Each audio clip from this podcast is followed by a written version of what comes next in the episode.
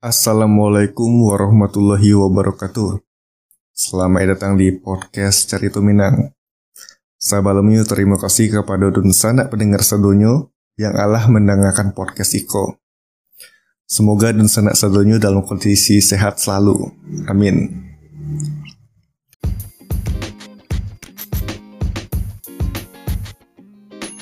Halo dun sana, kalau dun sana alun tahu tentang Anchor, jadi tuh tampil paling gampang untuk beli podcast. Nah, Anchor tuh perai. Sudah tuh inyo ada alat itu yang bisa merekam cuma edit podcast langsung dari HP ataupun komputer sana. Beko, Anchor akan mendistribusikan podcast Tun Sana ke Spotify. Dan yang terakhir, Tun Sana bisa juga hasilan pitih dari podcast tanpa pandangan minimum. Sadola yang Tun Sana butuhan ada di Anchor. Unduh aplikasi Anchor secara operai atau buka anchor.fm untuk memulai.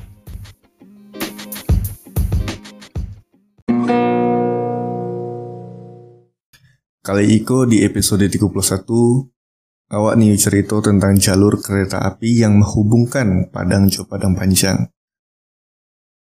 Sebenarnya Allah ada rencana tentang jalur kereta api Iko dan sana. Pemerintah Provinsi Sumatera Barat berharap Kementerian Perhubungan mengaktifkan kembali jalur kereta api Padang Padang Panjang di Lambahanai untuk mengurangi kemacetan di jalan raya. Kepala Dinas Perhubungan Sumatera Barat, Pak Heri Noviarti Manjalehan salah satu kendala lo dalam reaktivasi jalur kereta api dari Kayu Tanam sampai ke Padang Panjang adalah tinggi kemiriangannya nan curam. Beliau men menambahkan, kalau jalur Iko tembus mah bisa sangat gadang manfaatnya.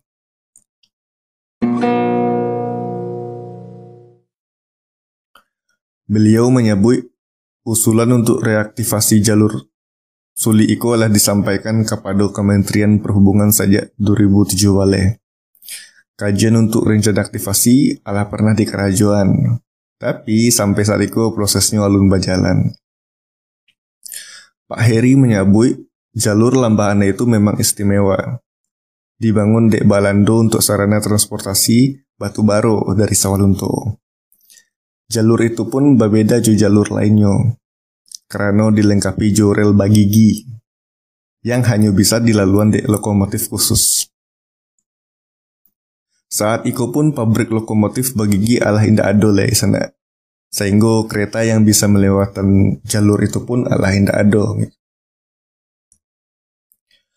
Beliau menilai jika jalur itu bisa diaktifkan balik gitu ya, maka jalur dari Padang ke Padang Panjang ke Bukit Tinggi sampai ke apa Kumbuh sudah tuh jalur Padang Padang Panjang itu Solo tarik ke Solo tujuh si Junjung pun bisa diaktifkan gitu. Jadi istilahnya bayang. Uh, kalaupun itu diaktifkan gitu ya jadi seluruh jalur pun bisa diaktifkan. Jadi kayak uh, serantai gitu di sana ya kalau buat tangkuk di siku nah mau itu lah sana kira-kira mantap puluh kalau direalisasikan ke sana gitu. Masyarakat akan lebih memilih naik kereta api kalau kota daripada naik auto pribadi. Karena efisiensi waktu mungkin jadi salah satu alasannya ke sana. Paling segitu dulu untuk episode 31. Terima kasih untuk sana pendengar sadonyo. Bagi sana yang new mengirim cerita dan kerjasamu, bisa langsung email podcast dan DM ke Instagram at podcast minang. Jangan lupa follow podcast cerita minang di Spotify sana ya.